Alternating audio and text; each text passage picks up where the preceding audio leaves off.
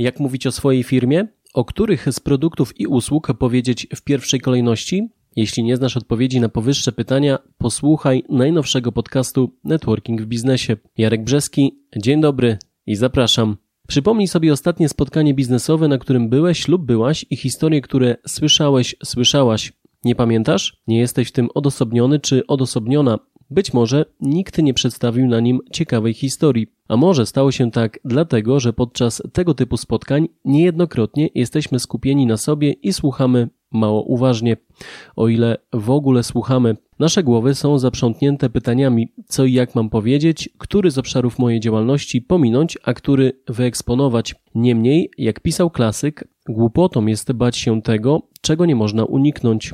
Dlaczego z rzymskim pisarzem warto się zgodzić? Bo jako przedsiębiorca nie unikniesz mówienia o swojej działalności i musisz się tego nauczyć. No chyba, że nie chcesz jej rozwoju, ale zakładam, że jest wręcz przeciwnie. Opowiadanie o swoim biznesie w sposób atrakcyjny dla słuchacza może przynieść a nawet przyniesie szereg korzyści. Jedną z nich jest to, że zostaniesz zapamiętany, zapamiętana i powoli będziesz budować swój wizerunek eksperta. Teraz, kiedy już wiesz, że powinieneś się, powinnaś umieć mówić o swojej firmie, zapoznaj się z poniższymi wskazówkami. Będzie to kilka kroków do udanej prezentacji siebie i swojej działalności. Krok pierwszy: jedna usługa, jeden produkt.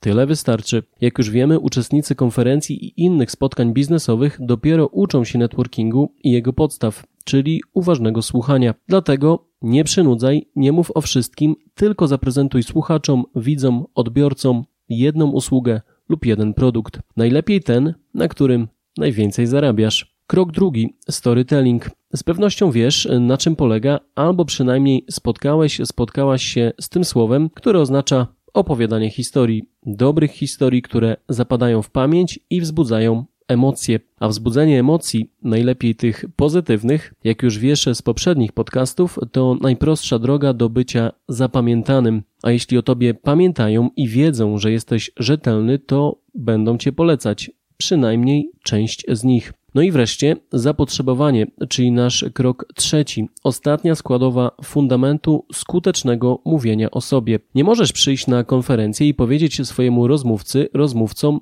szukam wszystkich i wszystkiego. Po takim pytaniu nikt ci nie pomoże, bo nie chce? Nie, bo nie będzie w stanie. Wyrażaj się jasno i precyzyjnie i w ten sposób mów też o swoich potrzebach biznesowych. Wykształć w sobie nawyk zadawania pytań o imię, nazwisko, branżę, firmę i stanowisko osoby, z którą chciałbyś, chciałabyś się spotkać lub do której chcesz dotrzeć. Ostatni punkt.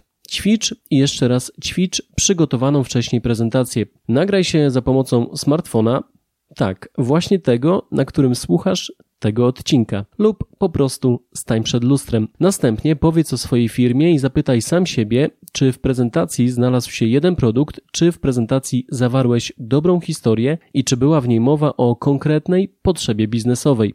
Jeśli nie, to spróbuj jeszcze raz. Tyle ode mnie, dziękuję, że jesteś z nami i przypominam, że dzisiejszy temat został omówiony również na platformie YouTube w formacie wideo. Wystarczy, że wpiszesz networking w biznesie. Co sądzisz na temat metody czterech kroków prezentacji własnej firmy? Jakie znasz inne sposoby mówienia o sobie i swojej działalności? Daj znać w komentarzu. Do usłyszenia.